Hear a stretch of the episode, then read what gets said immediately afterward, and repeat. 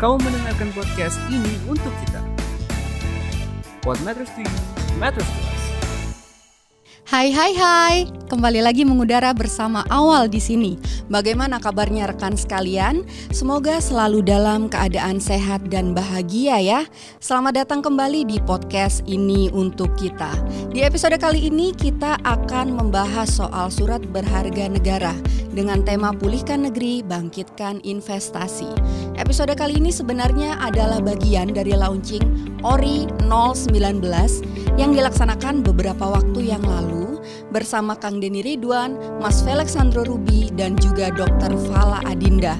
Nah tapi karena bahasannya cukup menarik dan bisa kita dengarkan kapan pun nih, kami akhirnya mengupload ini ke podcast ini untuk kita. Tanpa berlama lagi, kita simak yuk obrolannya. Selamat mendengarkan.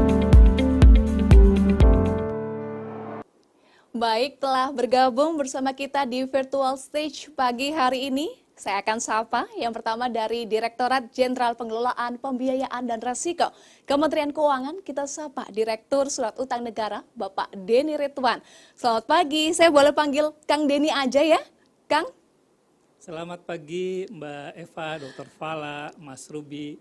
Serta, apa kabar? Iya, apa kabar? Alhamdulillah baik. Kita sudah 11 bulan nih memasuki era pandemik ini. Alhamdulillah saya dan keluarga masih dalam kondisi sehat walafiat, tidak kurang sesuatu apa pun Mudah-mudahan Tuhan yang Kuasa terus menjaga kesehatan kita semua. Amin. Amin. Alhamdulillah sehat ya Kang Denny. Baik, lanjut kita akan sapa pembicara kedua seorang dokter, influencer, blogger dan juga relawan tenaga medis di Rumah Sakit Darurat COVID-19, Dr. Fala Adinda. Selamat pagi Dr. Fala. Pagi, halo, selamat pagi. Halo, apa kabar dok? Baik. Baik. Baik ya, sehat. Selanjutnya kita akan sapa pembicara ketiga seorang entrepreneur, konten kreator, dan juga pegiat media sosial di bidang investasi keuangan. Mas Alexandro Ruby, selamat pagi Mas Ruby. Apa kabar Mas?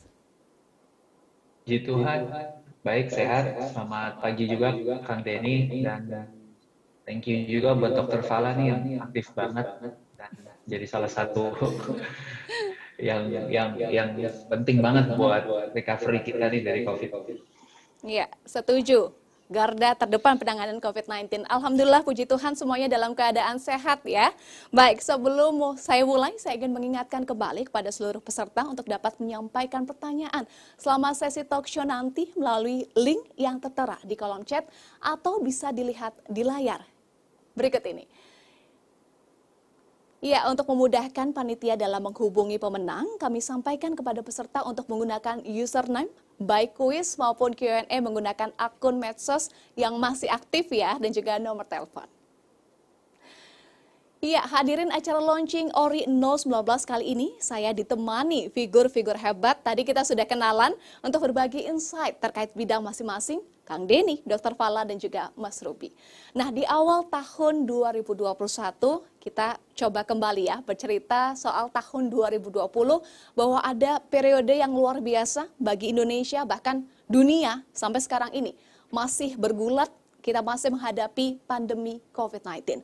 Banyak pelajaran atau lesson learned yang bisa diambil dari tahun 2020 dari para pembicara akan kita dapatkan nanti ya, sharing hal-hal baik yang sudah dilakukan dan nanti kita hubungkan tentunya dengan mengapa pemerintah menerbitkan ORI 019 di masa pandemi COVID-19 dan apa manfaatnya bagi masyarakat.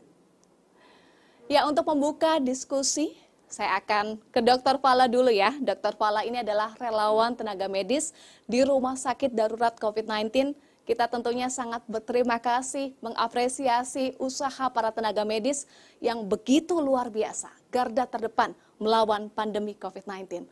Kita pengen kasih aplaus ya untuk Dr. Fala. Terima kasih Dr. Fala dan juga seluruh tenaga medis di seluruh Indonesia. Nanti boleh diceritakan pengalamannya Dr. Fala. Namun sebelumnya kalau kita simak informasi di awal tahun 2021 ini jumlah penambahan kasus COVID-19 masih cukup tinggi ya dan belum menunjukkan ke arah ke arah flattering the curve. Boleh diceritakan perkembangan kondisi pandemi COVID-19 di Indonesia saat ini dan sepertinya ada titik terang nih untuk mengatasi pandemi yakni vaksin. Kita sudah mulai vaksinasi massal ditandai dengan Presiden Joko Widodo yang divaksin pertama 13 Januari 2021. Nah, apa yang melatar belakangi dan mendorong vaksinasi untuk segera dilakukan? Silahkan, Dr. Fala. Uh, terima kasih uh, atas kesempatannya sudah bisa hadir hari ini. Sebelumnya saya itu ada di Wisma Atlet di awal pandemi, jadi udah lama banget, hampir ya. yang lalu. Jadi udah bukan relawan Wisma Atlet lagi. Iya, jadi sekarang tuh uh, praktis kerjanya ada di Satgas Nasional Penanganan COVID-19 di Subdivisi uh, tetap sih nanganin pandemi juga. Suaranya menggema. Mau dibenerin dulu atau mau dilanjutin? Nggak apa-apa, boleh dilanjutkan sambil nanti akan dibantu difixkan oleh teman-teman kami. Silakan.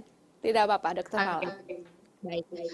Uh, Oke, okay. uh, sekarang pada kondisinya adalah pandemi masih berjalan. Ya. Artinya kasusnya masih terus meningkat dan tidak ada tanda-tanda kurvanya menurun, uh, kurvanya mendatar, apalagi menurun.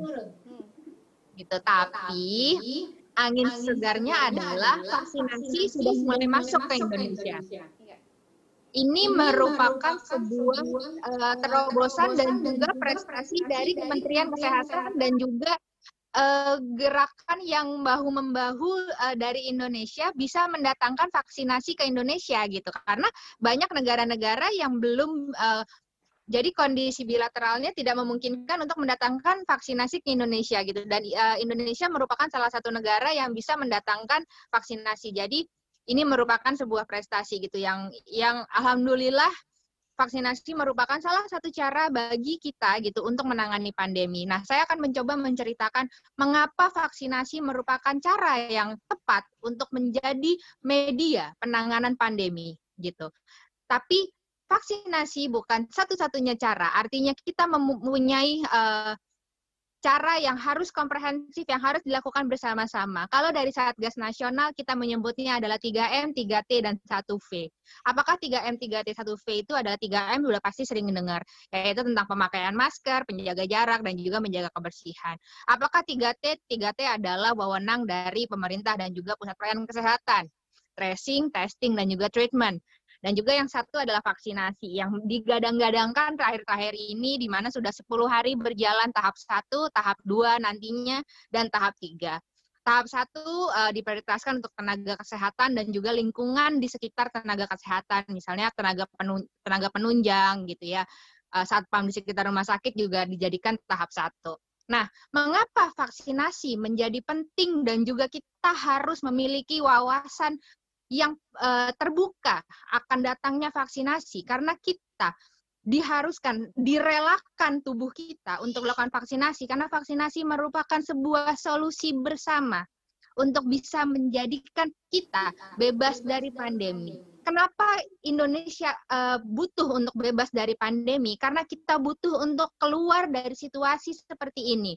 Kita butuh ekonomi yang segera berjalan. Kita butuh pariwisata yang segera berkembang lagi kita butuh untuk bisa berjalan-jalan ke luar negeri, kita butuh paspor kita bisa kembali bertenaga lagi. Sekarang paspor kita lemah sekali, ke mana-mana kita tidak bisa. Yang tadinya konten kreator bisa pergi ke Eropa, sekarang kita tidak bisa ke mana-mana. Yang tadinya mungkin kita bisa dengan mudah ke coffee shop, sekarang kita menjadi penakut. Ini harus kembali. Indonesia butuh untuk dipulihkan jadi pandemi itu bukan hanya tentang kita, pandemi bukan hanya tentang manusia yang tidak bisa keluar rumah, tapi harus dipikirkan secara komunitas, harus dipikirkan secara epidemiolog bahwa ini adalah masalah masyarakat, ini merupakan masalah negara. Dan ini harus diselesaikan secara bersama-sama dan secara gotong royong. Yang artinya semuanya harus berpikir secara epidemiolog, semua harus berpikir secara cakupan komunitas. Begitupun dengan vaksinasi. Pola pikirnya adalah penyelesaiannya harus bersama-sama. Satu orang vaksinasi, semua harus vaksinasi. Karena kita memerlukan orang-orang yang kekebalannya payung, artinya masyarakat yang dilindungi oleh kita. Orang yang tidak bisa vaksinasi terlindung oleh orang yang vaksinasi. Nah, itu kalau dari segi medis. Lalu bagaimana agar cakupannya cukup? Untuk semua warga masyarakat bisa divaksinasi, artinya kita harus membuka wawasan mereka agar orang-orang mau divaksinasi. Lalu masalah berikutnya adalah bagaimana agar kecukupan vaksinasinya bisa tercapai, bagaimana agar distribusinya bisa mencukupi ke seluruh wilayah Indonesia. Dan persoalan berikutnya adalah bagaimana agar ketahanan keuangan negara bisa mencukupi seluruh ratusan juta dosis vaksin. Itu juga menjadi sebuah pertanyaan dan juga solusi yang harus kita selesaikan bersama yang artinya pandemi ini adalah kita sebagai soldier untuk bisa menyelesaikannya bersama-sama. Kita adalah tulang punggung negara ini untuk bisa memulihkan negara ini dari pandemi. Kapan lagi kita menjadi tentara paling depan tanpa harus angkat senjata? Cuma perlu singkingkan lengan baju, vaksinasi, dan penyelesaian pandemi. Saya rasa dari itu aja sih bridgingnya, Mbak.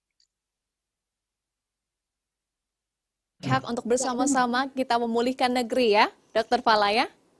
Iya. Baik, tadi Dokter Fala menyatakan bahwa vaksinasi ini angin segar.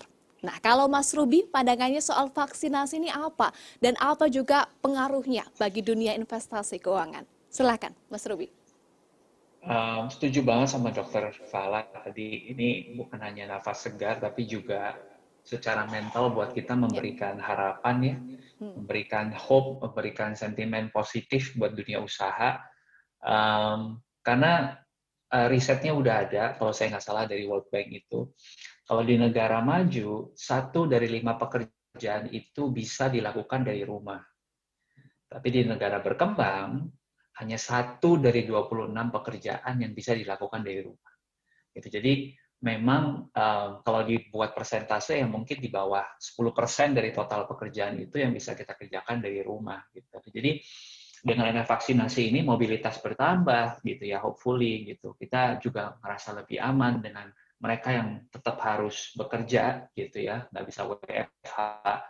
Um, dan kita sangat berharap vaksinasi ini bisa on time sehingga proses recovery ekonomi juga bisa on time. Uh, sudah satu tahun uh, teman-teman mungkin yang di F&B, di pariwisata gitu ya, uh, bisnis ini berjalannya on off karena regulasi juga on off nih, ya ngikutin situasi gitu. Uh, which is fine karena kita juga mesti balance dengan dengan uh, kesehatan gitu ya. Uh, tapi semoga dengan hadirnya vaksin ini lebih ada stabilitas uh, buat teman-teman pengusaha, buat investor.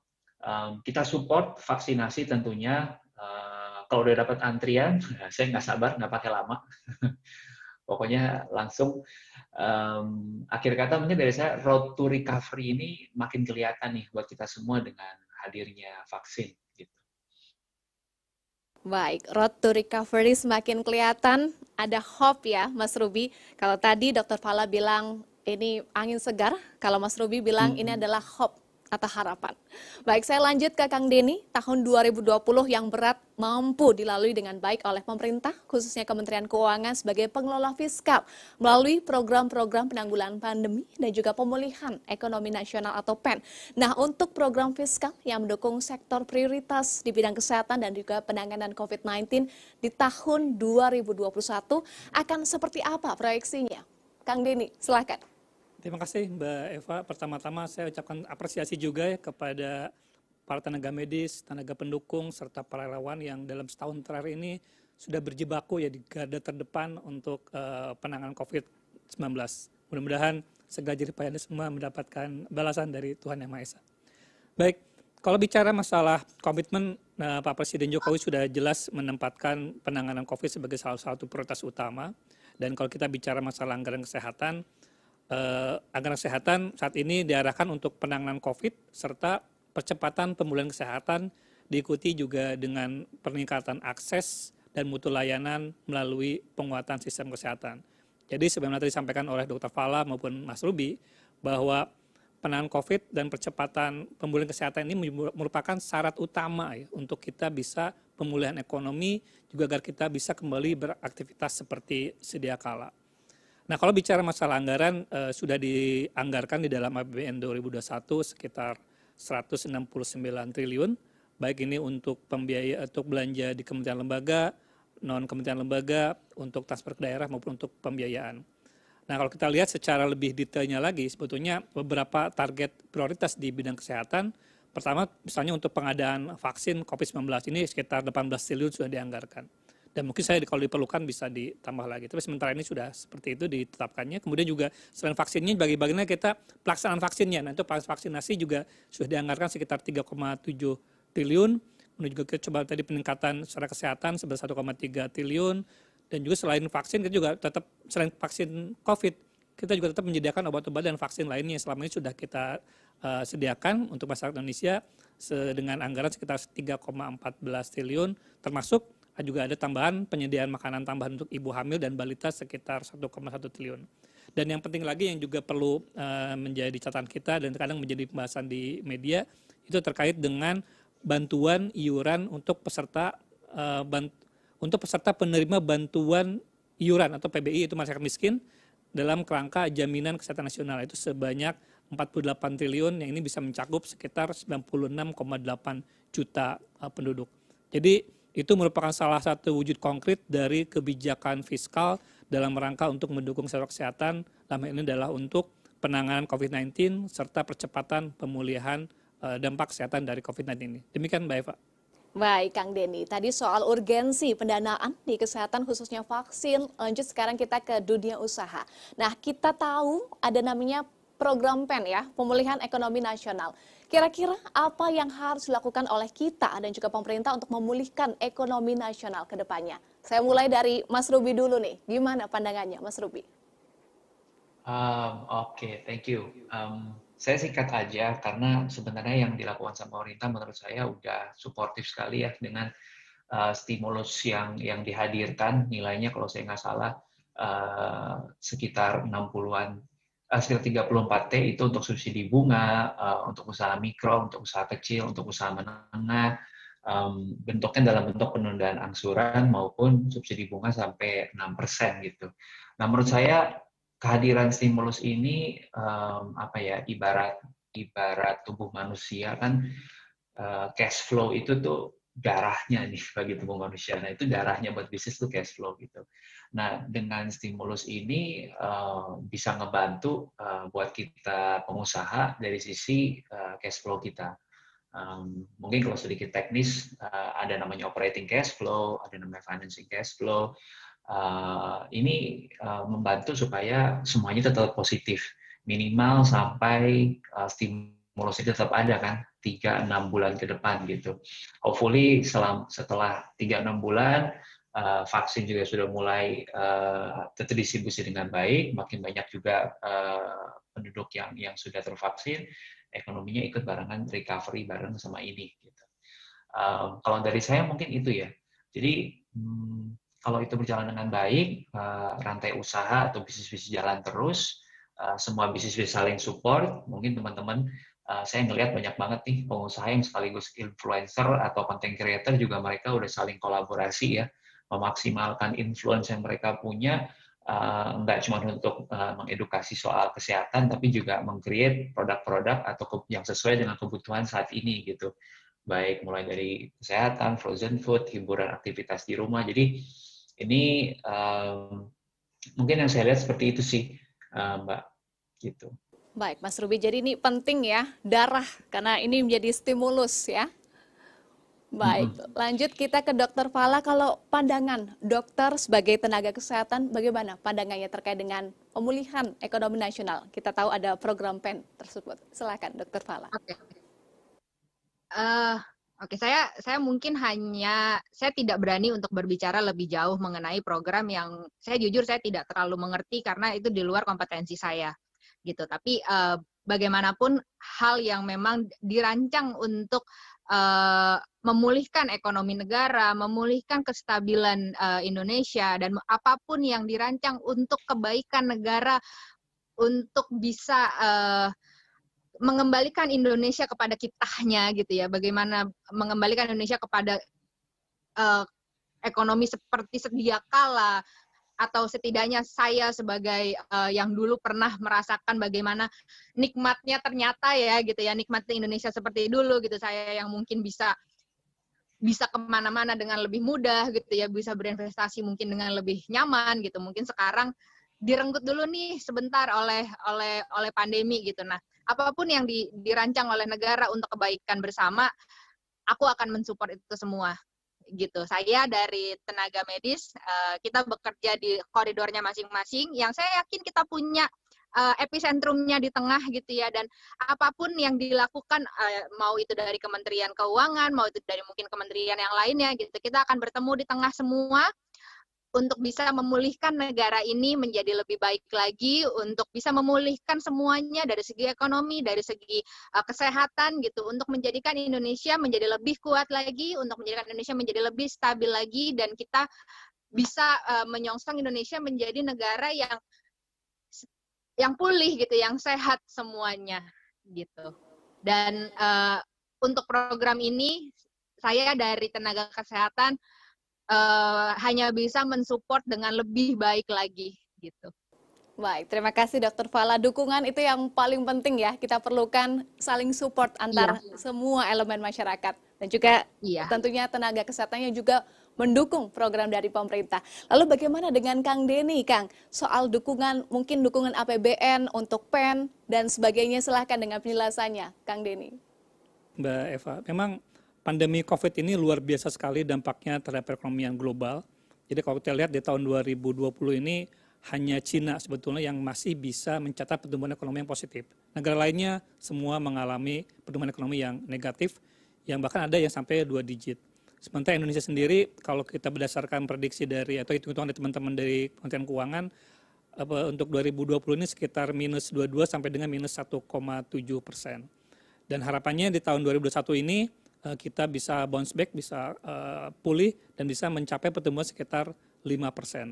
Nah pertanyaannya adalah bagaimana kita bisa mencapai target tersebut. Memang di dalam kondisi pandemik di seluruh dunia namanya belanja pemerintah masih menjadi andalan untuk mendorong pemulihan ekonomi karena memang dari sisi private sector dunia usaha banyak yang masih uh, menahan diri karena memang kondisinya sedang uh, banyak keterbatasan. Nah untuk itu maka di dalam kita ada tadi sampaikan oleh Mbak Eva program pemulihan ekonomi nasional atau PEN. Nah di tahun 2020 yang dianggarkan PEN total sebetulnya sebesar 695 triliun, antara lain terdiri dari insentif untuk dunia usaha, tadi sampai oleh detailnya oleh uh, beberapa contohnya oleh uh, Mas Rudi, Mas Rubi. Misalnya untuk dunia usaha sekitar 120 triliun, kemudian untuk insentif UMKM sekitar 116 triliun, dan juga untuk bantuan korporasi sekitar 60 triliun.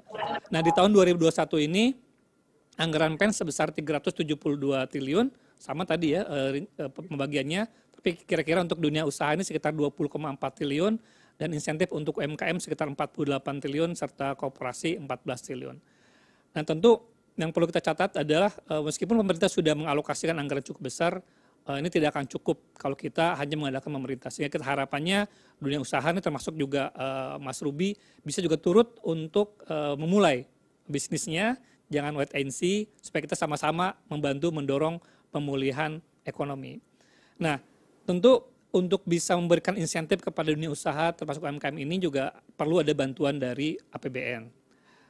Nah, kalau kita lihat di, tahun 2021 ini pendapatan negara sekitar 107, 1.740 triliun. Ini memang sedikit berkurang karena memang kita ada penurunan di sisi penerimaan pajak.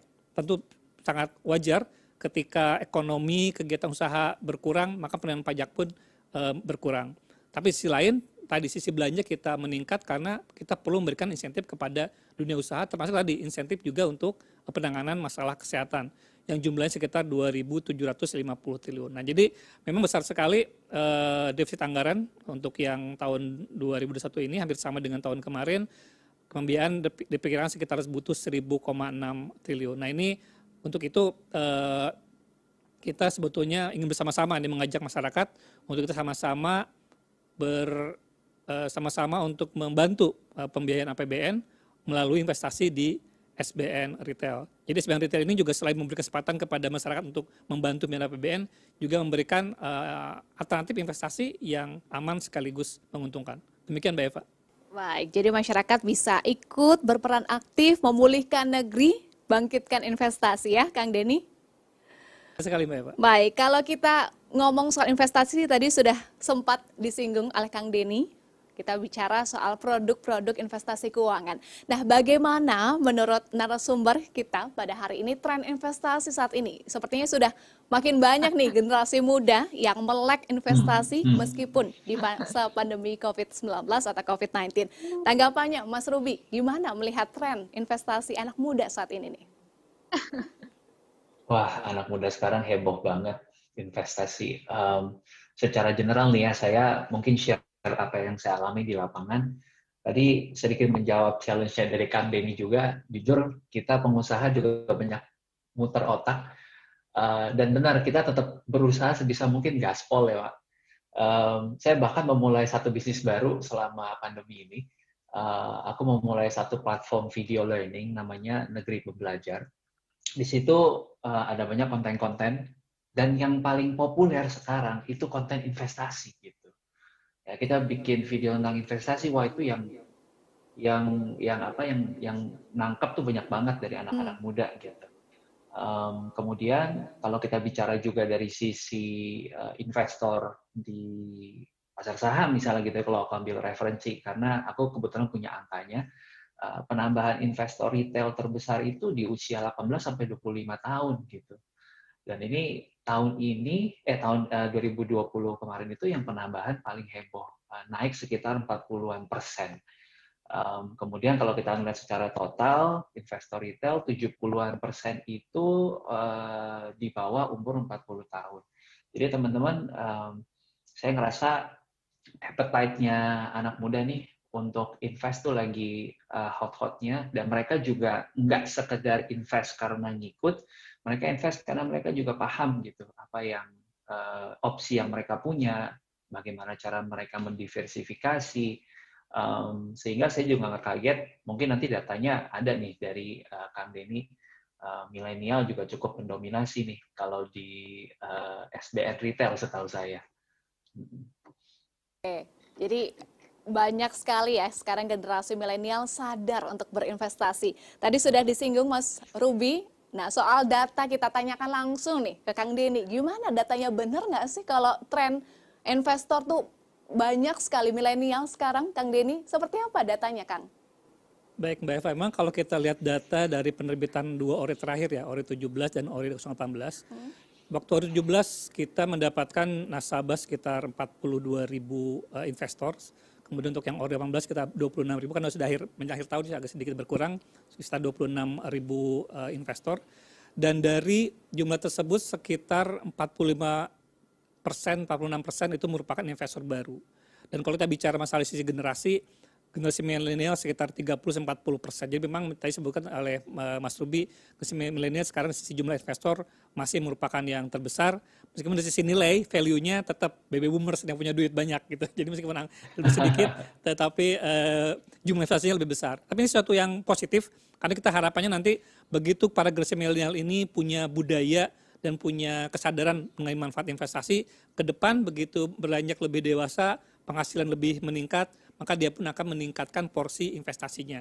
Dan ini kemudian kita harapkan hmm. ke depannya ini juga menjadi suatu modal bagi kita sebagai negara agar kita bisa lebih mandiri dari sisi pembiayaan pembangunan. Kita tidak lagi banyak e, menggantungkan pembiayaan dari luar karena kita ingin mendapatkan justru pendapatan dari dalam negeri. Sehingga yang mendapat manfaat adalah investor-investor dari dalam negeri, yaitu sekarang yang sekarang ini mungkin statusnya masih e, milenial. Jadi menurut saya ini suatu tren yang sangat positif perlu kita dukung. Namun yang perlu diingat tadi eh, luar biasa apa, semangatnya tapi kadang ilmunya masih agak kurang gitu. Jadi kalau saya bandingkan dengan vaksin, vaksin itu kan bukan suatu obat ya, Dokter Fala ya, bukan obat eh, dan tidak menjamin kita akan bebas dari virus. Tapi paling tidak virus ini bisa membantu kita meningkatkan daya imun kekebalan tubuh dari bahaya virus. Nah, sama dengan investasi. Investasi juga bukan jaminan kita untuk bisa bebas dari masalah keuangan, apalagi menjadi kaya raya gitu tidak. Tapi paling tidak dengan mulai investasi ini bisa meningkatkan daya imun kita, daya imun eh, kesehatan keuangan kita dari potensi permasalahan di masa depan, terutama untuk kondisi-kondisi yang tidak terduga. Jadi dana darurat disiapkan dulu, kemudian investasi yang aman seperti ORI ini disiapkan dulu, baru masuk ke investasi yang lebih agresif seperti main saham misalnya. Kira-kira begitu, Mbak Eva. Baik, saya sepakat nih sama Kang Denny. Jadi vaksin sama investasi sama-sama mirip ya, memberikan perlindungan terhadap kita ya, Kang Denny ya.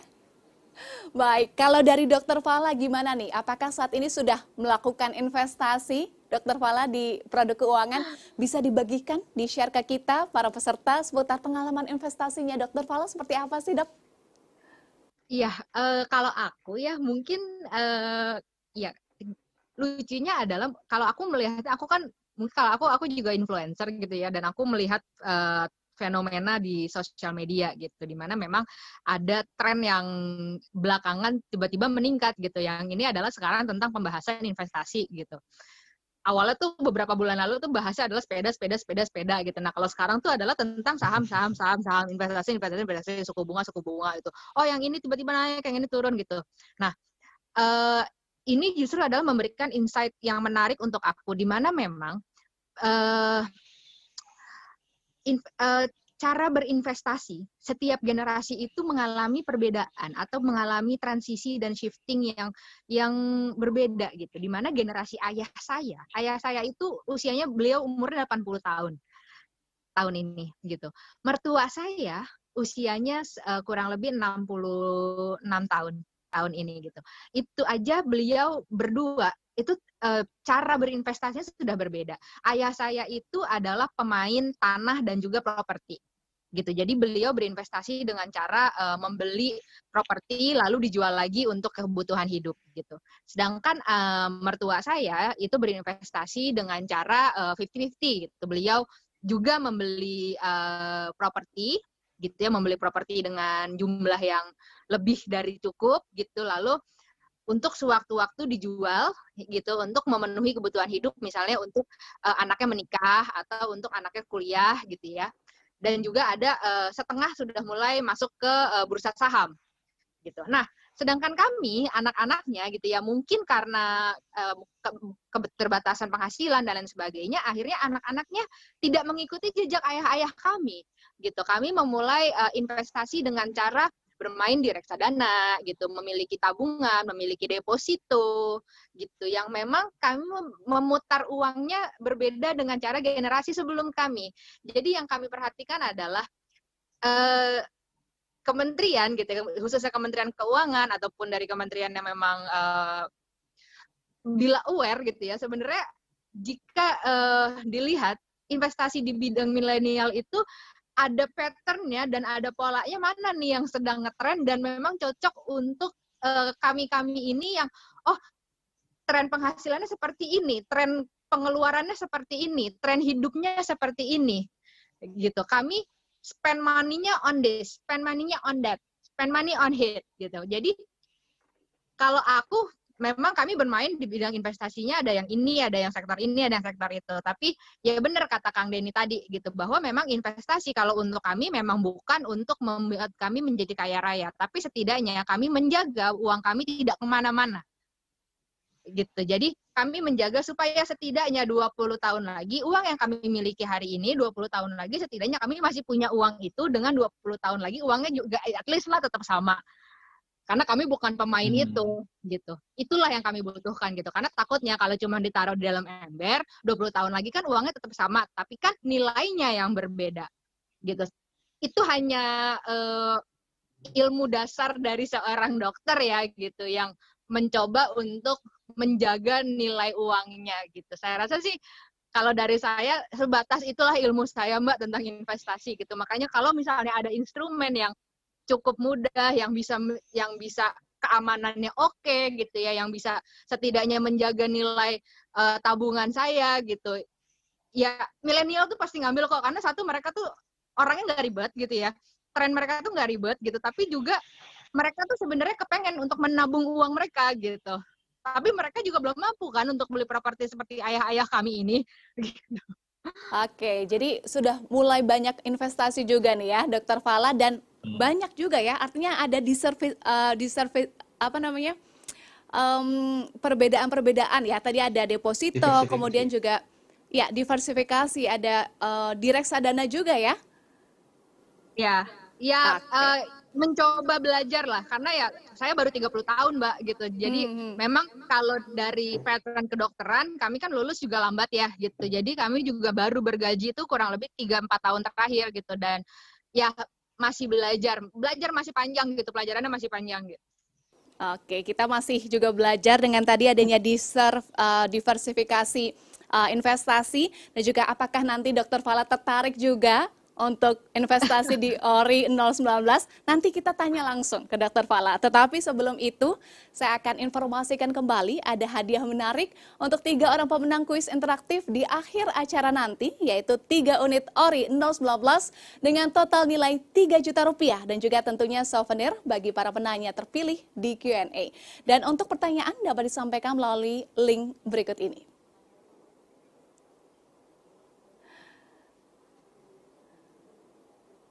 Baik, untuk memudahkan panitia dalam menghubungi pemenang, kami sampaikan kepada peserta untuk menggunakan username, baik dalam kuis maupun Q&A, menggunakan akun medsos yang masih aktif ya, dan juga nomor telepon. Baik, sekarang ini masuk pertanyaan khusus buat Kang Denny sebagai tuan rumah. Boleh tolong diceritakan lebih detail, lebih dalam kepada kami terkait struktur ORI 012. Gimana sih Kang cara belinya, kemudian jumlah mitra distribusinya, dan apa yang menjadi daya tarik ORI 019 untuk dibeli oleh masyarakat saat ini. Siapa tahu bisa menjadi salah satu pilihan juga untuk dokter Fala nih yang lagi banyak sekali investasinya, diversifikasi investasi. Silahkan Kang Denny. Baik, terima kasih eh, Mbak Eva. Jadi mungkin teman-teman yang sudah biasa berinvestasi sangat sudah paham sebetulnya eh, namanya suatu berharga negara retail seperti apa, terutama untuk ORI. Jadi kalau ORI e, merupakan suatu instrumen yang terutama tradable, artinya bisa diperjualbelikan di secondary market. Nah ini makanya sangat menarik dalam kondisi pandemi ini karena kita bisa berinvestasi dengan bunga atau kupon yang menguntungkan, tapi juga kalau butuh waktu-waktu bisa dijual di secondary market. Nah kemudian bunganya adalah okupannya fix uh, ditetapkan kemarin hari Jumat sudah diumumkan sebesar 5,57 persen. Ini jelas sangat menarik ya kalau dibandingkan dengan instrumen uh, alternatif alternatif instrumen inflasi yang lain. Dan kalau kita lihat juga uh, nanti dari sisi yang menarik adalah dari sisi nilai investasi Nah tadi kalau tadi sampaikan kenapa ini menarik untuk milenial karena investasi dari SBN retail ini atau ORI ini bisa dimulai dari hanya satu juta rupiah dan maksimal sebesar eh, 3 miliar. Jadi satu juta nampaknya sih sama dengan kalau beli sepatu cats gitu ya kira-kira seperti itu. Tapi ini nilainya akan terus bertambah karena para investor berkesempatan untuk mendapatkan kupon yang diterima secara bulanan dengan kupon setahun ini tadi 5,57 persen. Ini akan ditawarkan mulai tanggal 25 Januari, mulai hari ini launchingnya, sampai tanggal 18 Februari. Nah, buat teman-teman bagaimana cara untuk investasinya? Pertama tentu harus juga daftar dulu ya kepada para mitra distribusi. Jadi mitra distribusi atau MIDIS ini kita ada 26, terdiri dari 16 bank, kemudian ada 4 perusahaan efek, perusahaan sekuritas, ada tiga perusahaan fintech dan tiga perusahaan efek khusus. Nah ini silakan nanti di landing page-nya ORI www.kemenq.go.id slash ORI. Nah di situ ada informasi terkait dengan siapa-siapa saja yang menjadi mitra distribusi kita. Nah sebagai untuk yang baru pertama kali investasi, pertama-tama Anda lakukan adalah registrasi ke tadi ke salah satu mitra distribusi kita untuk mendapatkan SID yaitu Single Investor Identifications, kemudian rekening surat berharga, dan rekening dana. Rekening dana ini rekening yang saat ini ada miliknya di, di perbankan. Jadi sangat sekali benar sekali caranya selama sudah punya rekening di bank, kemudian tinggal nomor KTP disampaikan dan juga nomor NPWP. Nah ini bisa digampang juga di apa di, diperoleh dengan cepat. Nah saat registrasi baru nanti ke pemesanan. Pemesanannya menariknya semua bisa dilakukan secara online. Bisa melakukan web based maupun ada aplikasi. Jadi untuk generasi rebahan ini sangat uh, sesuai ya. Anda tidak perlu keluar ke jalan ke mana-mana, tinggal dari rumah sambil ngopi-ngopi, sambil nonton drama Korea, sambil melakukan aktivitas yang lain, itu bisa berinvestasi di ORI melalui gawai. Nah, pemesanan Nanti pembayaran pun sama dilakukan secara secara online, bisa melalui uh, internet banking, mobile banking dan lain sebagainya. Sangat convenience. Nanti setelah mendapatkan notifikasi pembayaran nanti akan terkonfirmasi. Nanti kepemilikan uh, teman-teman semua akan tercatat di uh, KSEI, kode KPay. Jadi sama ini pencatatan secara elektronik, jadi tidak akan mendapatkan surat secara manual, tapi sudah tercatat secara elektronik. Dan nanti juga kepemilikan Anda bisa lebih uh, gampang dicek sewaktu-waktu melalui gawai tersebut. Akhirnya ini yang menarik, jadi uh, investasi di ORI ini pertama tadi aman, karena ini imbal hasilnya, kuponnya maupun dari pelunasannya itu sudah dijamin pembayarannya melalui undang-undang, itu undang-undang suatu negara maupun undang-undang APBN. Kemudian tadi e, menguntungkan karena imbal hasilnya atau kuponnya masih menarik dibandingkan dengan alternatif investasi yang lain. Terus ketiga juga tadi nyaman, mudah ya bisa investasinya bisa di rumah, bisa di kamar sambil e, tadi sambil melakukan aktivitas lain melalui gawai dan terjangkau mulai dari, mulai dari 1 juta rupiah sudah bisa melakukan investasi di ORI 019. Demikian Mbak Eva. Baik, ini kabar gembira untuk generasi rebahan. Jadi bisa Dokter Fala atau Mas Ruby kalau sambil nonton film kita bisa sambil investasi melalui ORI 019 bisa pulihkan negeri, bangkitkan investasi. Nah kalau ngomongin sedikit nih Kang Denny, mungkin ada pertanyaan juga dari para peserta hari ini kalau faktor resikonya seperti apa Kang Denny? Oke. Jadi kalau kita bicara investasi ada tiga faktor risiko biasanya. Pertama, risiko gagal bayar, kedua risiko pasar, terus ketiga risiko likuiditas. Untuk pertama risiko gagal bayar atau risk default itu karena tadi dijamin oleh sebagai produk yang dikeluarkan pemerintah itu akan dijamin oleh pemerintah e, pembayaran kupon maupun pokoknya sehingga risiko defaultnya boleh dibilang zero, eh, zero persen. Kemudian kedua adalah risiko uh, pasar. Nah ini risiko pasar mungkin intinya membandingkan tingkat kupon yang ada kita terima nih fixed rate ini dibandingkan dengan pergerakan imbal hasil di pasar dalam waktu ke depan. Nah, dengan 5,57 menurut saya ini lebih masih menarik karena kita sekarang ini dalam dalam era suku bunga rendah. Saya perbandingan yang bisa menjadi buku, menjadi acuan adalah suku bunga Bank Indonesia yaitu 7 days repo rate saat ini sekitar 3,75 persen. Nah ini bisa menjadi patokan untuk berbagai macam instrumen investasi. Nah sekarang bandingkan saja dengan yang tadi tawarkan untuk yang ORI 019.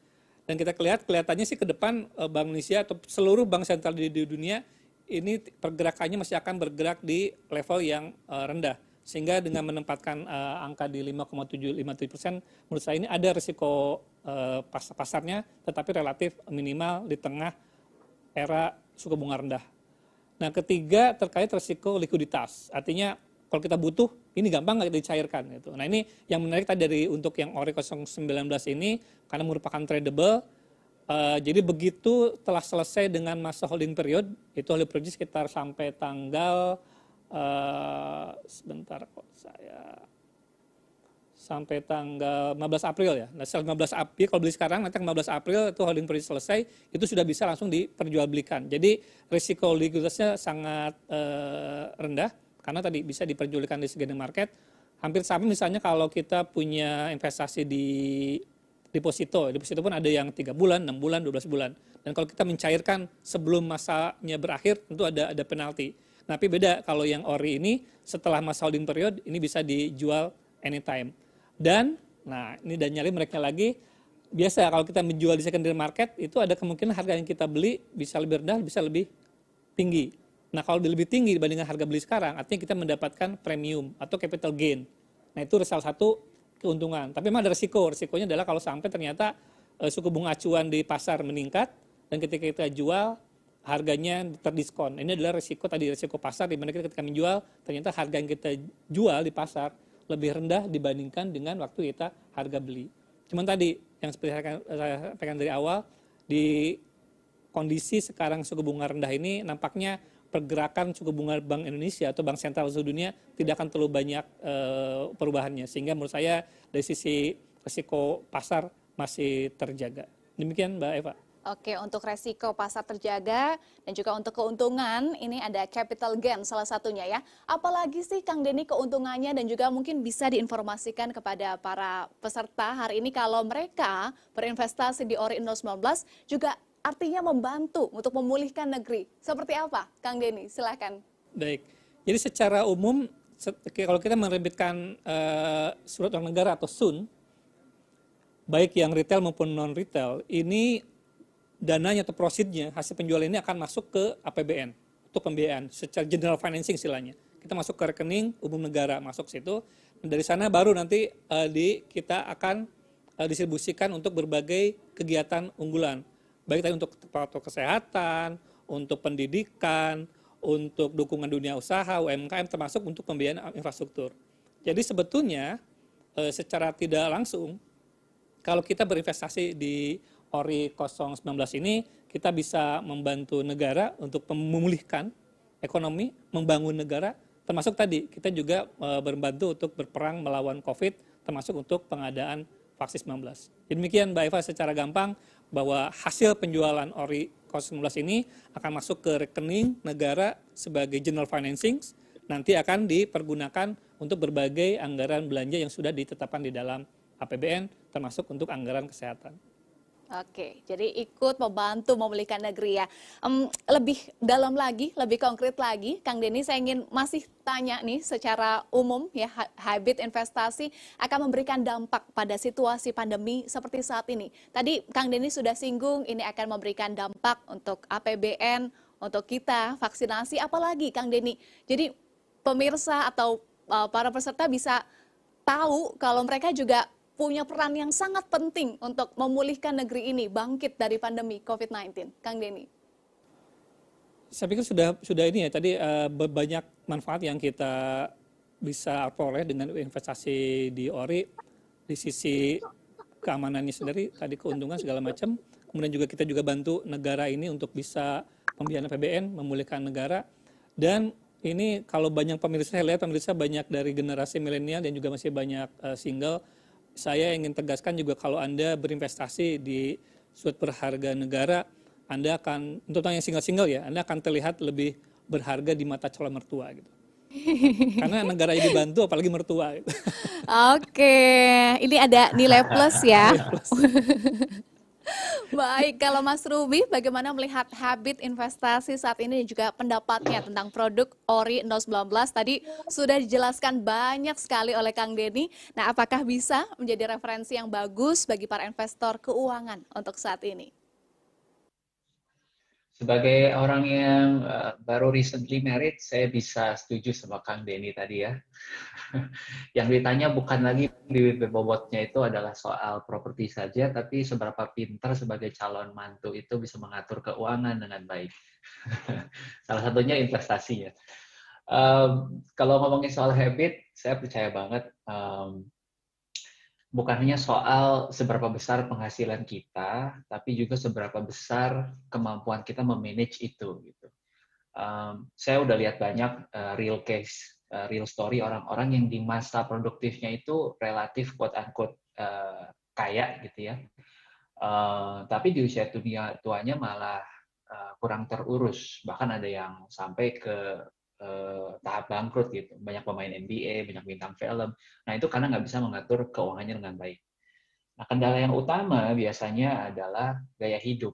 Lifestyle-nya udah terbiasa boros gitu ya. Jadi itu perlu diintervensi tuh, perlu ada uh, obatnya, perlu diriset lagi. Nah obatnya itu adalah memindahkan nagihnya belanja ya Uh, supaya lama-lama nagihnya itu jadi nagih investasi.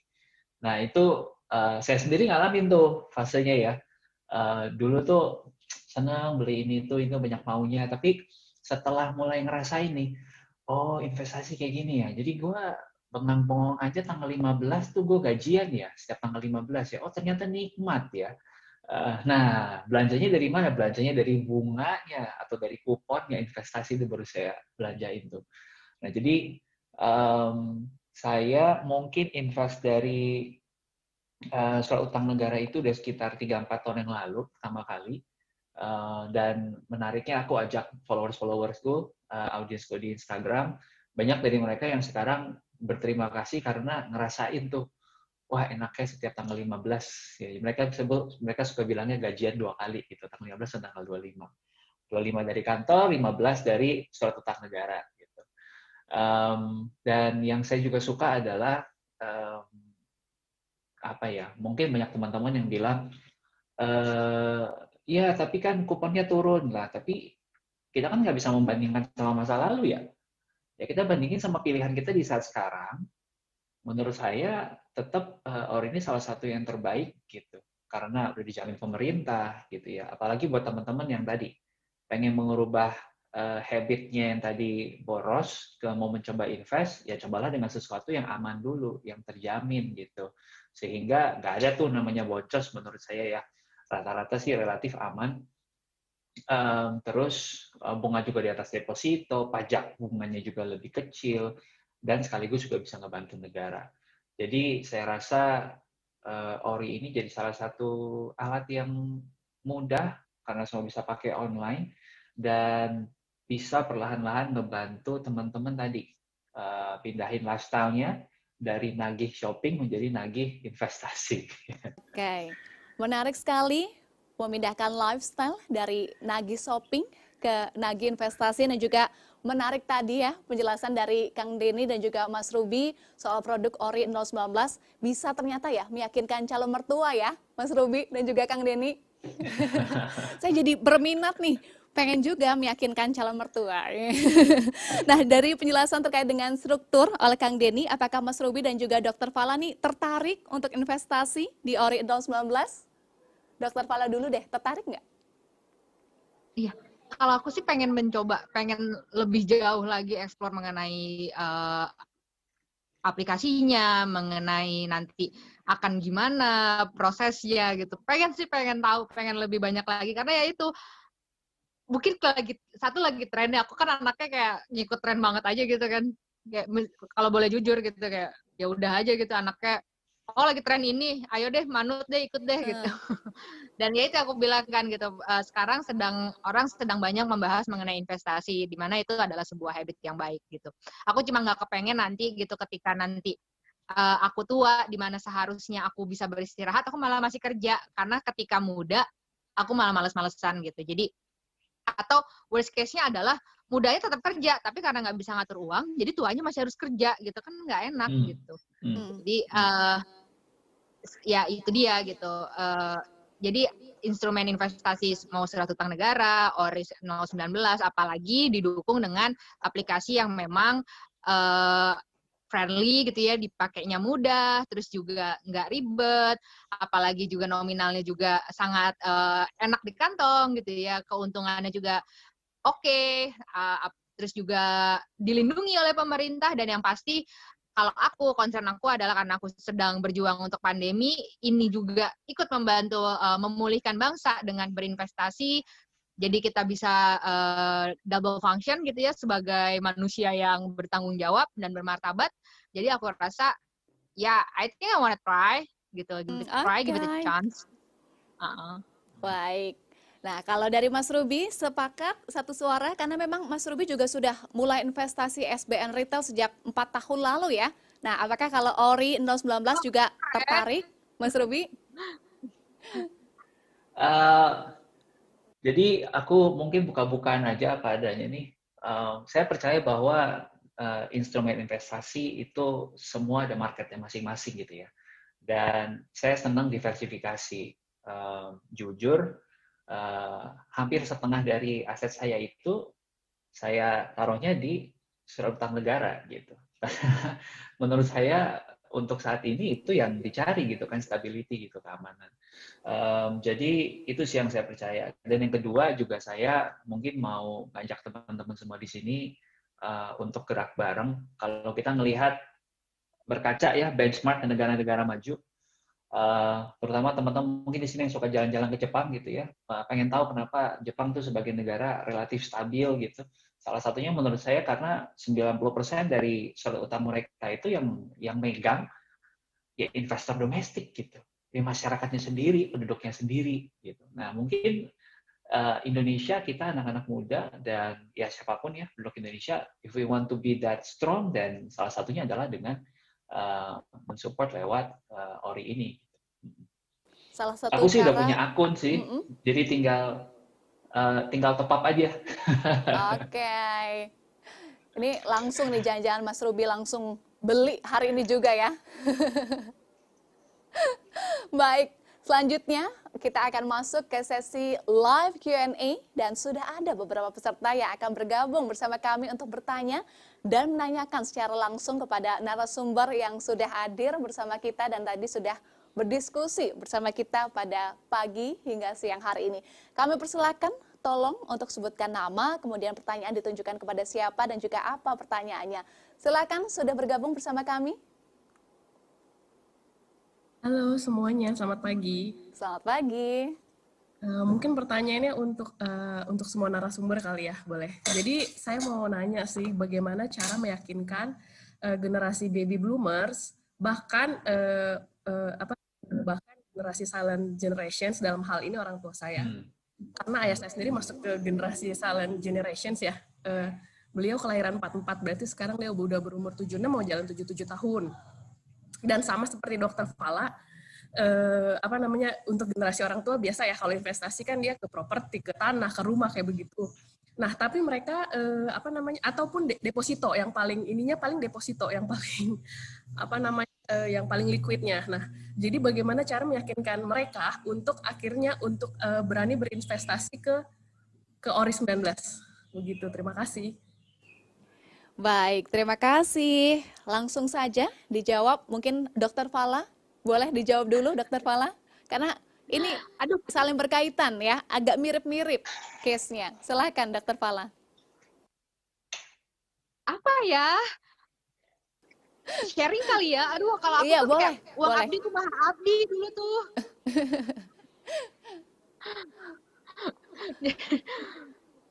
kayak nggak nggak nggak ngomong apa-apa juga ke ayah nggak nggak sih maksudnya kayak uh, ya ayah orang yang cukup terbuka gitu ya beliau beliau juga dulu kan kerja di BUMN jadi uh, kayak apa pun yang aku lakukan juga sebenarnya uh, aku dapat privilege dari ayah yang orang ekonomi juga gitu. Jadi ya mudah sih cukup mudah. Kayaknya aku nggak nggak nggak terlalu relate dengan pertanyaannya gitu.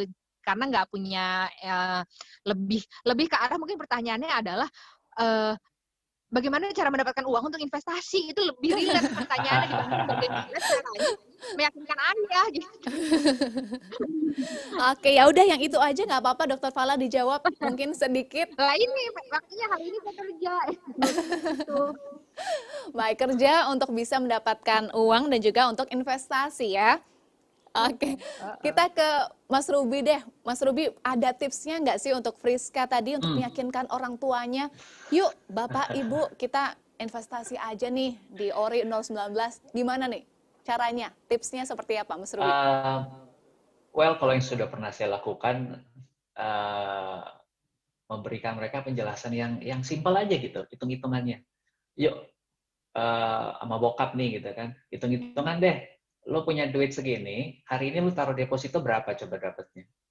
Oh segitu. Nih, gue kalau masukin ke sini nih, gue kasih lihat nih ya, gue dapetnya segini gitu. Nah biasanya kan kalau cowok-cowok tuh egonya disindir sedikit tuh tergerak ya.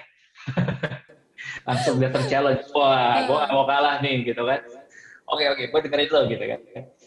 Tapi mungkin uh, sebelum ke situ, uh, saya juga udah pernah ngelakuin pendekatan lain uh, yang simpelnya adalah biasa kita kan sebagai anak suka ngasih ini ya uh, ya bulanan lah buat bantu orang tua gitu. Nah kita selipin aja tuh. Mami papi ini gue ngasihnya cuma dari bunganya doang loh dari investasi cia nah itu kan jadi tergerakkan wah gila ini bagaimana caranya bisa nilai segini setiap bulan dari bunganya doang? Nah mulai itu tergerak. Nanya, nanya obrolan tadi bandingin sama instrumen yang punya dia sekarang itu sih dengan pendekatan-pendekatan trik-trik untuk meyakinkan orang tua kita investasi melalui ORI 019 kalau dari Kang Denny seperti apa Kang ada tipsnya Pertama tentu kita mesti bicara dulu tujuan ya.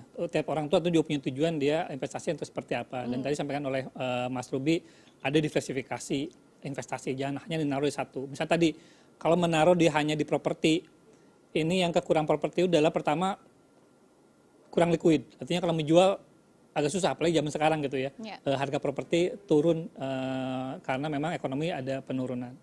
Terus yang properti juga biasanya dia tidak memberikan income yang rutin secara bulanan. Ini berbeda dengan dengan dengan SBN retail yang ada bulanan income bulan. Jadi ada ada uh, cash streamnya ada tiap bulan dapat. Nah ini biasanya orang tua justru butuh itu. Saya punya ada Pak D kalau nggak salah ya, beliau punya banyak uh, properti tanah, tapi ya karena nggak menghasilkan jadi agak ini juga gitu tidak tidak optimal ininya karena tidak ada ini. Nah, jadi sehingga perlu ada diversifikasi dengan membagi juga dengan investasi yang bisa memberikan income uh, bulanan.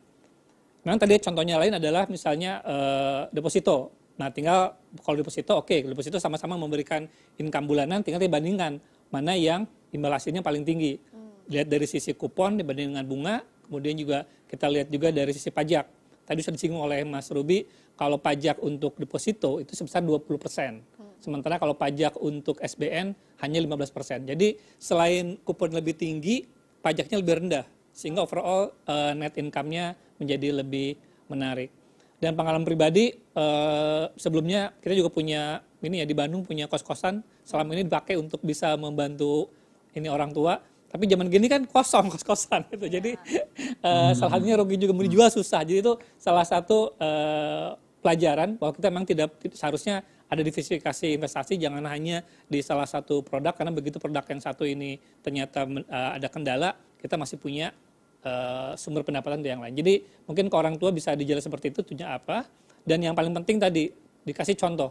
Hmm. Kasih contoh, mungkin kecil dulu. Setelah orang tua bisa merasakan manfaatnya, insya Allah akan lebih mudah untuk mengajaknya. Demikian Mbak Eva. Baik, diberikan penjelasan dan juga diberikan contoh ya Kang Denny. Baik, terima kasih Dokter Fala, Mas Ruben dan juga Kang Denny sudah menjawab pertanyaan pertama tadi dari Friska Vida Angela Hutagaul.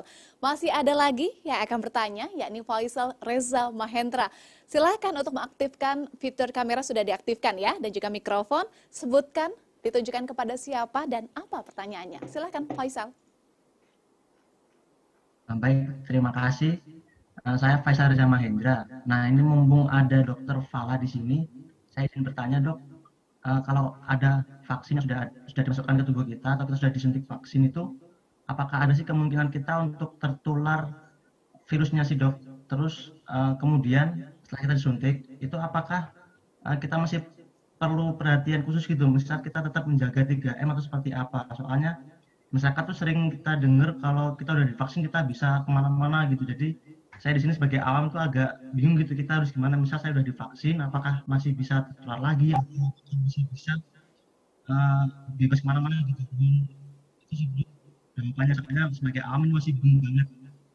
Masih dong Baik, terima kasih Faisal. Untuk pertanyaannya. Silahkan Dokter Fala langsung dijawab saja. Oke, okay. uh, eh, saya butuh mungkin saya butuh agak panjang jawabannya karena uh, ini harus komprehensif dan saya harus menjelaskan dengan sejelas-jelasnya supaya nggak ada uh, persepsi yang salah. Oke. Okay. Uh, eh, vaksin untuk yang saat ini yang sudah ada di Indonesia yang tersedia adalah vaksin Sinovac, di mana studi terakhir ada di efikasinya 65%.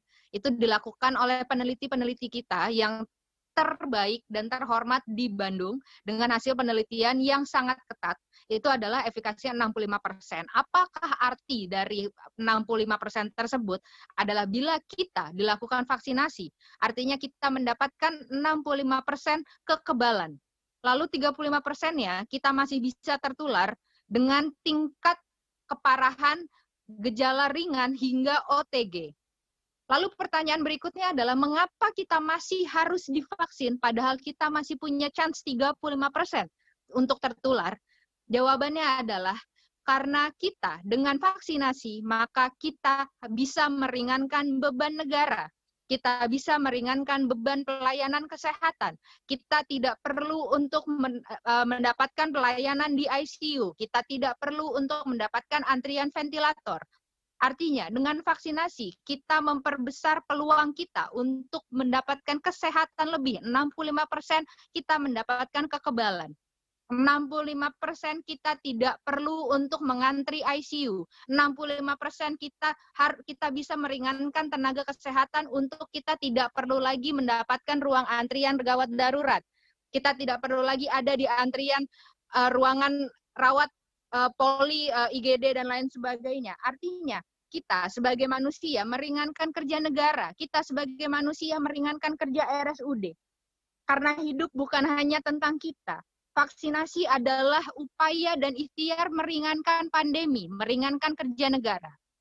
Tapi 35% kita masih bisa tertular dengan risiko penular dengan risiko uh, gejala ringan hingga OTG itu adalah hasil penelitian. Artinya kita masih dapat menularkan orang lain.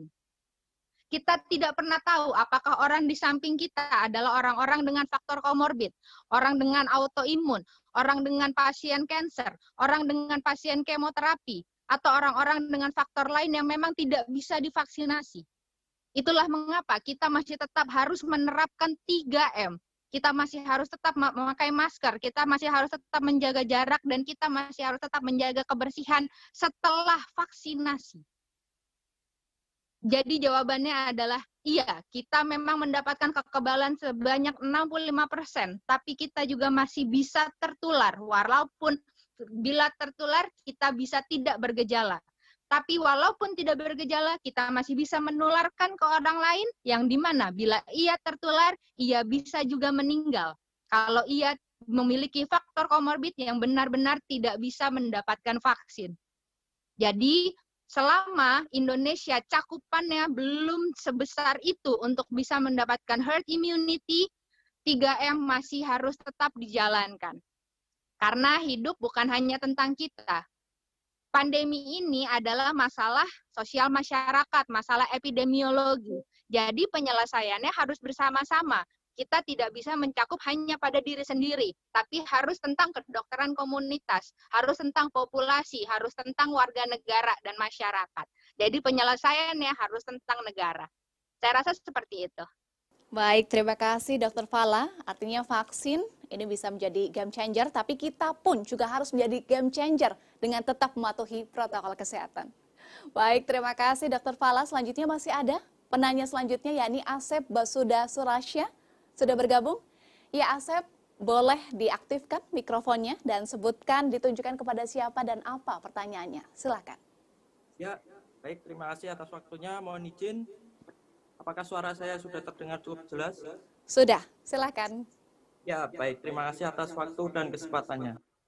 Ini pertanyaannya dari saya tertuju untuk Dr. Fala dan Kak Deni ini. Uh, yang pertama, bagaimana strategi khusus dari pihak influencer menjangkau generasi Gen Z dan generasi Gen Y ini untuk meningkatkan literasi keuangan, khususnya di SBN. Penekanan utamanya terkait edukasi karena pada dasarnya investasi itu butuh ilmu. Yang saya khawatirkan minim atau kurangnya ilmu yang dimiliki mengakibatkan kurang maksimalnya hasil yang hasil akhir yang diperoleh, bahkan belum bisa memitigasi resiko. Selanjutnya, pertanyaan tertuju bagi Kang Denny.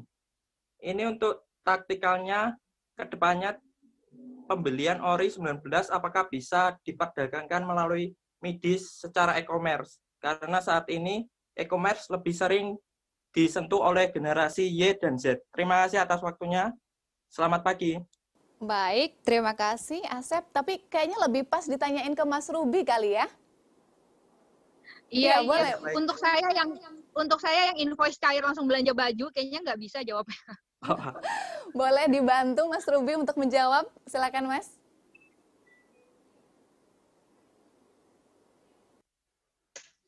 Uh, saya mungkin uh, bercerita dari pengalaman dulu ya, terutama yeah. pertanyaan yang nomor dua soal uh, apa namanya hmm, pasar sekunder buat midis. Uh, saya terdaftar di dua bank yang punya aplikasi online dan mereka itu sudah memudahkan banget untuk uh, kita bisa menjual kembali.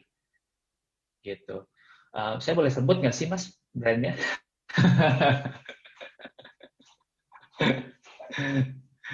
Uh, nanti deh mungkin teman-teman bisa japri saya DM di Instagram ya saya kasih tahu uh, aplikasinya. Tapi uh, hampir semua udah bisa kok. Uh, dan ini bukan fitur yang terlalu sulit. Uh, jadi mudah uh, untuk untuk beli dan menjual kembalinya lagi.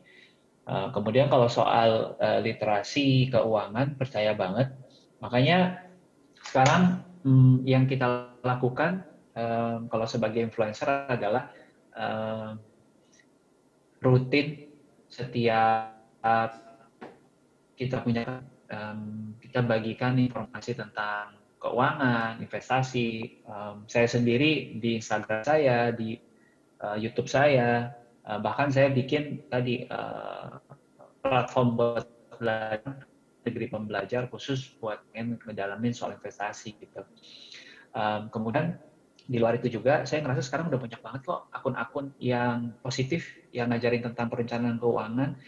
Nah biasanya kenapa akun-akun ini nggak muncul di tempat teman-teman? Karena teman-teman sekarang lebih banyak nge-like uh, lebih banyak nge-like tanaman, lebih banyak nge-like uh, mungkin uh, apa binatang-binatang lucu gitu ya. Nah makanya nggak muncul dia teman-teman. Nah teman-teman cobalah cari satu akun, bisa mulai dari akun saya uh, atau ada akun teman saya namanya Coffee Meet Stock, ada akun teman saya namanya Cuan Tiap Hari, ada akun teman saya lagi uh, namanya Big Alpha. Itu semua mereka melakukan uh, apa edukasi tuh bagus banget. Ada lagi namanya Discartes. Uh, follow satu, mulai like-like, lama-lama dieksplor teman-teman makin banyak tuh isinya tuh ya, yang yang konten-konten keuangan yang akan dihadirkan secara otomatis gitu. Gitu sih menurut saya. Baik, terima kasih Mas Ruby. Kalau Pak Denny, Kang Denny ada yang ditambahkan terkait dengan literasi keuangan seperti apa, Kang Denny? Silakan. Betul, Kang. ini sesuatu yang sangat penting sekali. Jadi semangat tanpa ilmu bisa mencelakakan juga sebetulnya. Hmm, Jadi ya. kita ya. termasuk sedih ya beberapa uh, hari terakhir kemarin kita mendengar berita bahwa bagaimana milenial ada yang investasi saham dengan menggunakan uang pinjaman dari pinjol gitu yeah. ya uang arisan segala macam di hmm. mana hmm. uh, semangatnya semangatnya bagus tetapi karena kurang ilmu menjadi justru mencelakakan sehingga literasi keuangan menjadi sangat uh, penting dan memang kita perlu tadi di awal dalam berinvestasi mesti tahu dulu tujuannya untuk apa terus kira-kira instrumen investasinya seperti apa dan juga eh, time frame investasinya sejauh mana. Dan kalau ingin mendalami terkait dengan SBN retail, sebetulnya kalau kita lihat dari piramida manajemen keuangan ya, itu kan ada biasanya orang para influencer keuangan membagi tiga nih tiga tahapan. Ada yang pertama untuk uh, keamanan keuangan dulu, keamanan dulu, keamanan dulu. Jadi intinya ada dana yang bisa dipergunakan dalam kondisi darurat Nah, kalau dalam SBN mungkin yang paling cocok adalah yang SBN yang sifatnya tradable, bisa diperjualbelikan. Itu ya, contohnya adalah ORI ini. Jadi meskipun kita uh, investasi, nanti suatu butuh bisa diperjualbelikan. Ini cocok untuk kondisi uh, darurat. Uh, cuman memang resikonya adalah dia uh, ada resiko pasar karena bunganya fix dan tenornya lumayan lebih sedikit panjang itu tiga tahun. Nah itu untuk yang di uh, keamanan keuangan level berikutnya nih baru kita masalah kenyamanan. Jadi bagaimana supaya aset kita bisa bertambah nilainya. Nah ini baru kita masuk ke investasi yang lebih uh, agresif. Jadi kalau teman-teman masuk ke investasi saham mungkin baru cocok di sini gitu. Tapi amanin dulu nih yang bawah nih. Tadi bisa obligasi, bisa SBN hmm. retail, bisa reksadana pendapatan tetap segala macam itu uh, sangat baik. Nah berikutnya tadi udah level yang kedua uh, yang kenyamanan keuangan baru yang lebih agresif. Nah untuk di SBN mungkin yang cocok juga ada yang non tradable.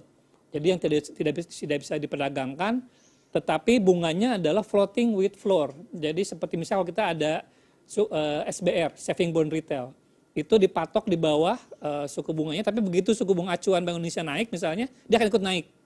Nah ini nanti akan kita tawarkan sekitar bulan Juni. Nah, ini untuk teman-teman yang tidak ingin terekspos dari risiko market, bisa membeli untuk yang non tradable. Itu kalau untuk yang konvensional adalah SBR, untuk yang uh, syariah itu ada sukuk tabungan atau ST. Sementara tadi kalau yang yang apa yang tradable, kalau yang konvensional adalah ori, untuk yang syariah ada uh, sukri atau suku retail.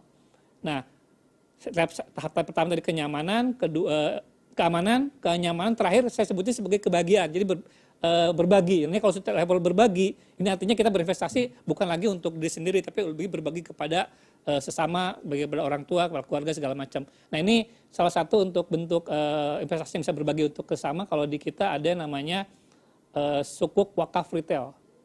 Nah sukuk wakaf retail ini anda menaruhkan uangnya di SWF, di sukuk wakaf retail, imbal hasilnya yang akan disumbangkan untuk kegiatan sosial.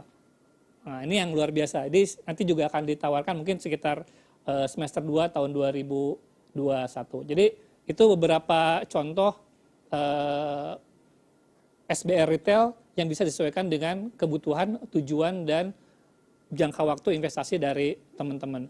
Nah, dalam menakau untuk untuk literasi ini, nih salah satu kegiatannya seperti ini kita melakukan uh, kegiatan web seminar, kemudian juga kita ada melakukan diskusi di radio, termasuk juga menggunakan berbagai media sosial seperti YouTube, kemudian IG Live, dan lain sebagainya. Ini salah satu cara dari kami untuk membantu meningkatkan literasi dari teman-teman. Nah, terkait dengan influencer-influencer keuangan yang menurut kami layak di diikuti atau di, dilihat uh, nasihatnya, silakan lihat di kanalnya DJPPR. Itu ada beberapa influencer keuangan yang sudah kita ajak kerjasama. Hmm. Itu saya bisa jamin itu uh, sangat baik uh, rekomendasinya termasuk tadi nama-nama yang disebutkan oleh Mas Ruby itu influencer keuangan yang cukup kita rekomendasikan untuk diikuti oleh teman-teman untuk belajar masalah keuangan ini. Silakan Mbak Eva. Baik, itu tadi pentingnya literasi keuangan. Terima kasih Mas Ruby dan juga Kang Denny. Dan tadi juga terima kasih kepada Asep yang sudah bertanya. Masih ada pertanyaan lagi? Tetap semangat ya dokter, Mas Ruby dan juga Kang Denny untuk menjawab. Masih ada pertanyaan, ini dari Andra untuk dokter Fala pertanyaannya. Ini melalui Slido ya pertanyaannya.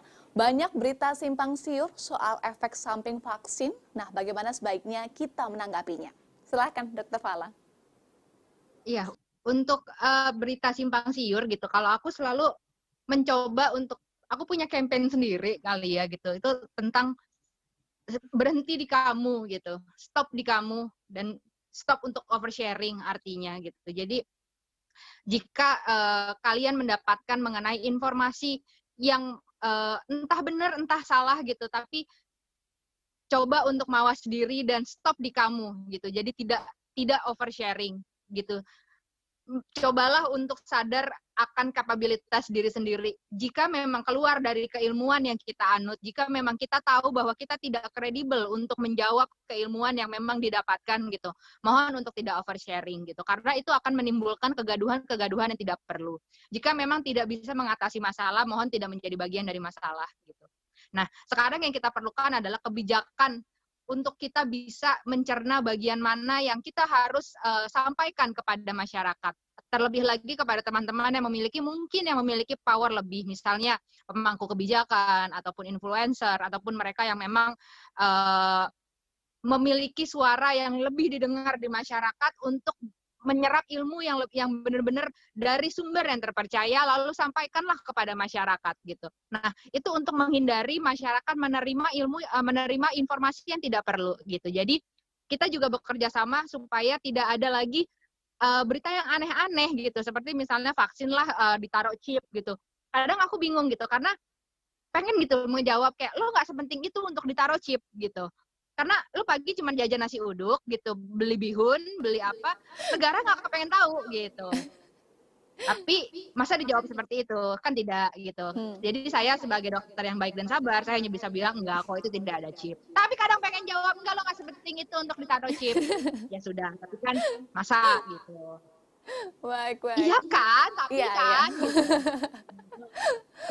baik jadi ya, itu negara juga negara negara juga nggak kepengen tahu kayak misalnya gue gitu ya ditaruh chip gitu kerjaan gue cuma sepedaan kerja sepedaan gitu nggak hmm. tahu juga negara gitu ya udahlah ya. tapi kan gitu nah makanya uh, tapi ya kembali lagi dengan kita memberi terus memberikan pengertian bahwa vaksin ini adalah usaha bersama agar kita bisa menyelesaikan pandemi bahwa vaksin ini bukan sebuah propaganda bukan sebuah uh, upaya genosida, bukan juga tentang uh, dokter menjual produk medis gitu. Dengan kita terus-terusan memberikan ini, mudah-mudahan masyarakat paham dan tidak ada lagi misinformasi gitu. Ya kalau udah lama-lama dan capek ya udah jawab aja kayak gitu. Enggak, enggak lo enggak enggak segitunya negara pengen tahu bihun lo tuh pedes atau enggak kok gitu.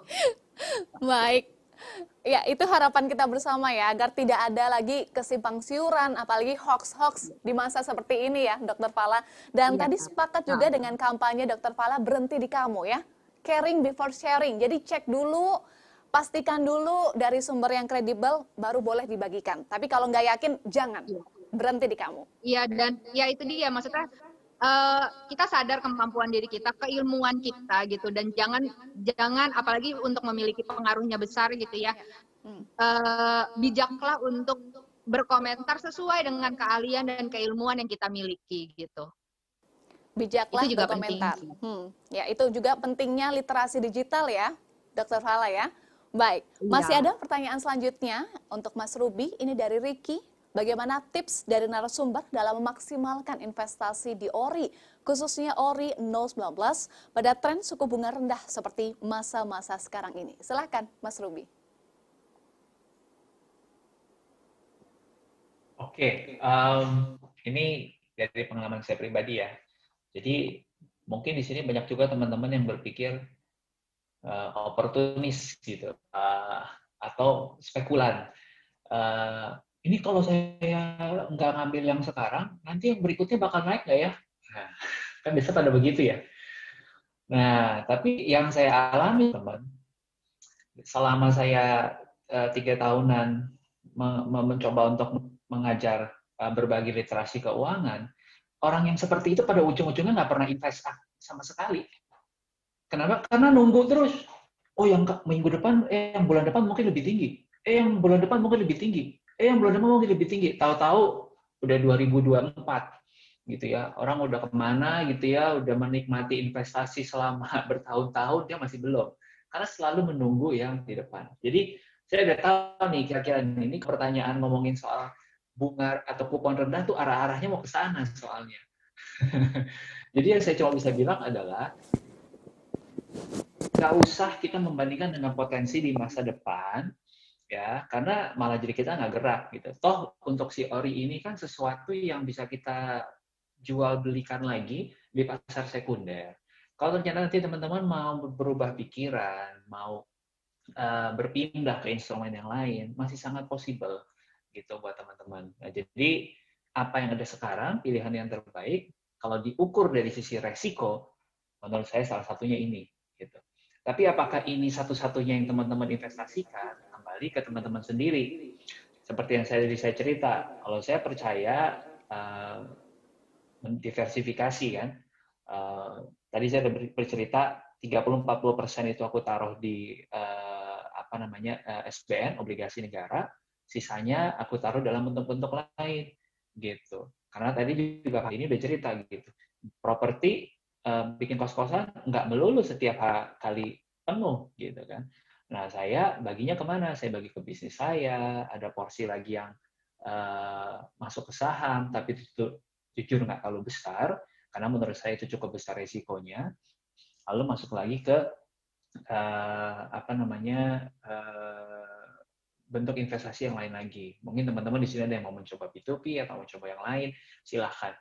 Nah, tapi kalau kita bicara soal aman nih, apalagi buat teman-teman yang belum yakin, belum pernah, udah deh cari yang paling basic dulu, yang paling aman dulu deh. Ini uh, menurut saya nggak ada lawannya untuk sekarang uh, obligasi dari pemerintah gitu ya. Uh, saya udah ngalamin sendiri gitu. Itu yang paling aman ya, Ori 019. Terima kasih Mas Ruby. Selanjutnya ada pertanyaan untuk Pak Denny. Ini dari Adinda, dari Republika Pertanyaannya adalah instrumen SBN retail apa saja yang diterbitkan tahun ini dan kapan saja nih Pak? Bagaimana strategi penawarannya di masa pemulihan ekonomi saat ini? Silakan Kang Denny. Baik, terima kasih uh, atas pertanyaan Mbak Adinda. Jadi kalau kita lihat penerbitan ORI eh, SBN retail untuk tahun 2021 ini tadi saya ada dua macam ya, ada yang syariah, kemudian ada yang konvensional. Ada yang tradable, ada yang non tradable. Nah, tentu dengan berbagai macam uh, variasinya. Nah, untuk jadwalnya sebentar saya cek dulu nih. Uh, kemarin sudah saya siapkan angkanya. Jadi untuk yang awal ini kita menerbitkan secara general ya, untuk yang konvensional akan dua kali yang tradable yaitu ORI 019 dan ORI 020. Kemudian untuk yang non tradable-nya adalah SBR satu kali. Jadi tiga kali total untuk yang konvensional. Sama untuk yang uh, syariah pun akan ada dua ada tiga kali penerbitan, dua yang tradable yaitu sukuk retail dan satu yang non tradable yaitu sukuk tabungan ditambah dengan satu yang tadi uh, eh, SWF atau sukuk wakaf SWR, sukuk wakaf uh, retail. Untuk uh, waktu ntar saya cek dulu ya, saya nggak hafal ininya apa uh, jadwalnya. Kalau nggak salah untuk pertama sekarang ini adalah ori, kemudian nanti bulan sekitar bulan Februari akhir penerbitan sukuk uh, retail. Uh, sebentar, sebentar, biar saya nggak salah ngomongnya. Setelah itu baru dilanjutkan dengan SBR di bulan sebentar ya. Ah, ah ini dia. Oke, jadi untuk yang 25 Januari ini adalah ORI 015, kemudian nanti tanggal 26 Februari ini tentatif jadwalnya ya. Tanggal 26 Februari adalah sukuk retail yaitu SR 014. Kemudian di bulan April yaitu kita menemukan SWR tadi sukuk wakaf retail 002 pada tanggal 1 April. Kemudian tanggal 21 Juni kita menerbitkan SBR 010. Ini yang tadi yang uh, sifatnya non tradable, bunganya floating with rate dan tenor sekitar 2 tahun. Kemudian pada tanggal 27 Agustus akan diterbitkan sukuk retail seri SR 015.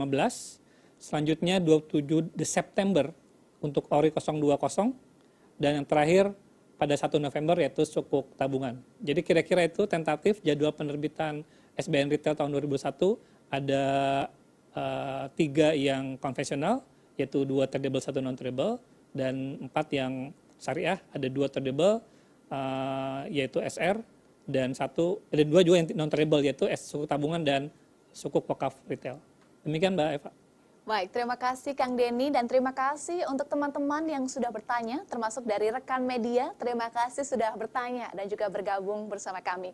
Dan kita sudah sampai di penghujung acara talk show kali ini, tapi sebelumnya tentu kita mau dengar closing statement dari para pembicara.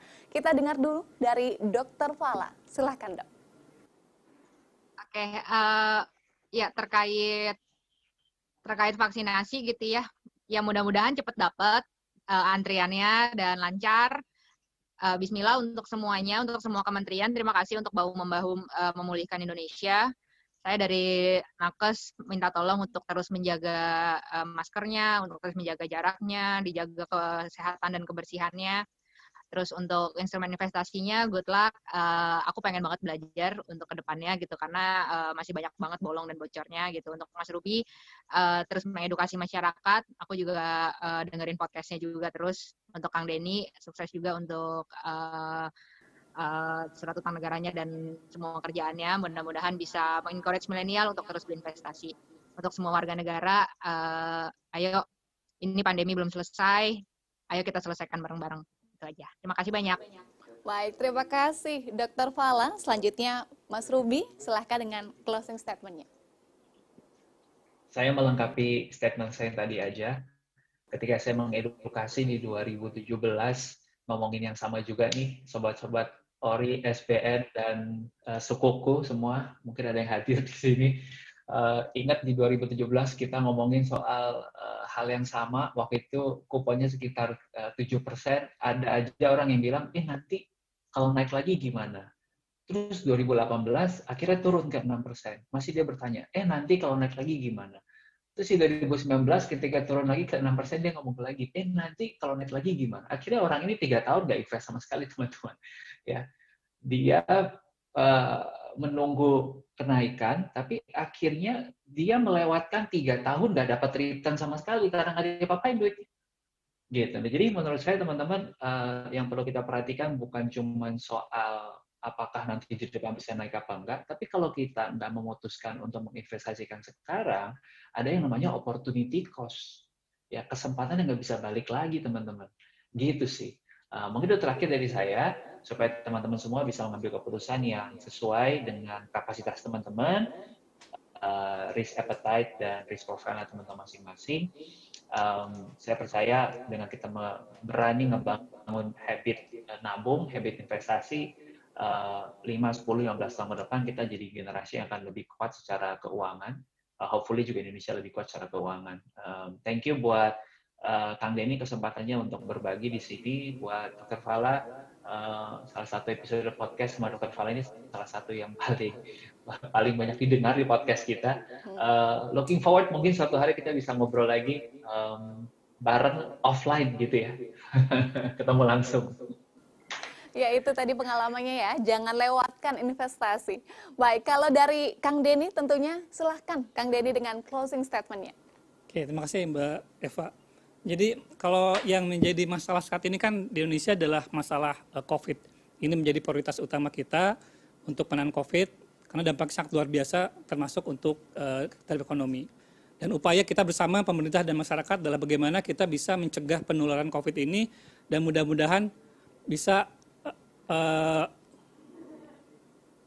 bisa membuat uh, apa dampaknya menjadi minimal, menjadi kecil sekali. Nah ini yang upaya pemerintah dan masyarakat bersama-sama untuk mencegah penularan COVID dan juga bisa meminimalisir dampaknya sehingga tidak lagi terlalu berdampak kepada kehidupan sosial kita. Dan untuk itu di dalam APBN 2021 pemerintah sudah berkomitmen untuk bisa menyediakan anggaran uh, untuk berbagai kegiatan termasuk angkutan prioritas yaitu untuk penanganan kesehatan dan juga untuk pemulihan ekonomi nasional. Nah dalam hal ini tentu kita bersama-sama antara masyarakat dan pemerintah untuk bisa uh, bersama-sama mencari pendanaan untuk APBN antara lain melalui investasi di ORI 019. Nah, mudah-mudahan dengan kita sama-sama berinvestasi di ORI 019 kita bisa membantu untuk memulihkan negeri dan membangkitkan investasi. Dan itu jangan lupa untuk terus uh, disiplin menerapkan protokol kesehatan sebagaimana disampaikan oleh Dr. Vela. Demikian Mbak Eva. Mantap, Kang Denny. Pulihkan negeri, bangkitkan investasi. Baik, akhirnya selesai sudah acara talk show selama satu jam tadi. Nggak kerasa ya, banyak sekali insight, banyak sekali hmm, paparan dan juga hal menarik, pengetahuan-pengetahuan yang bisa kita ambil dari, dari para speakers pada pagi hingga siang hari ini. Sedikit saya simpulkan bahwa alokasi ORI 019 ini ditunjukkan untuk pemenuhan target pembiayaan APBN 2021 dan perubahannya, termasuk pembiayaan untuk upaya penanganan pandemi COVID-19, khususnya program vaksinasi, sehingga kita semua dapat memulihkan ekonomi nasional. Kedua, saat ini upaya pemulihan kesehatan dan pemulihan ekonomi menjadi prioritas bersama dan membutuhkan sinergi yang baik antara pemerintah dan juga tentunya masyarakat. Membangkitkan budaya investasi di masyarakat sangat baik bagi perekonomian Indonesia, apalagi jika investasi masyarakat ini didorong pada instrumen yang diterbitkan oleh pemerintah. Jadi, Mari berinvestasi di ORI 019 karena investasi Anda akan membantu memulihkan negeri ini.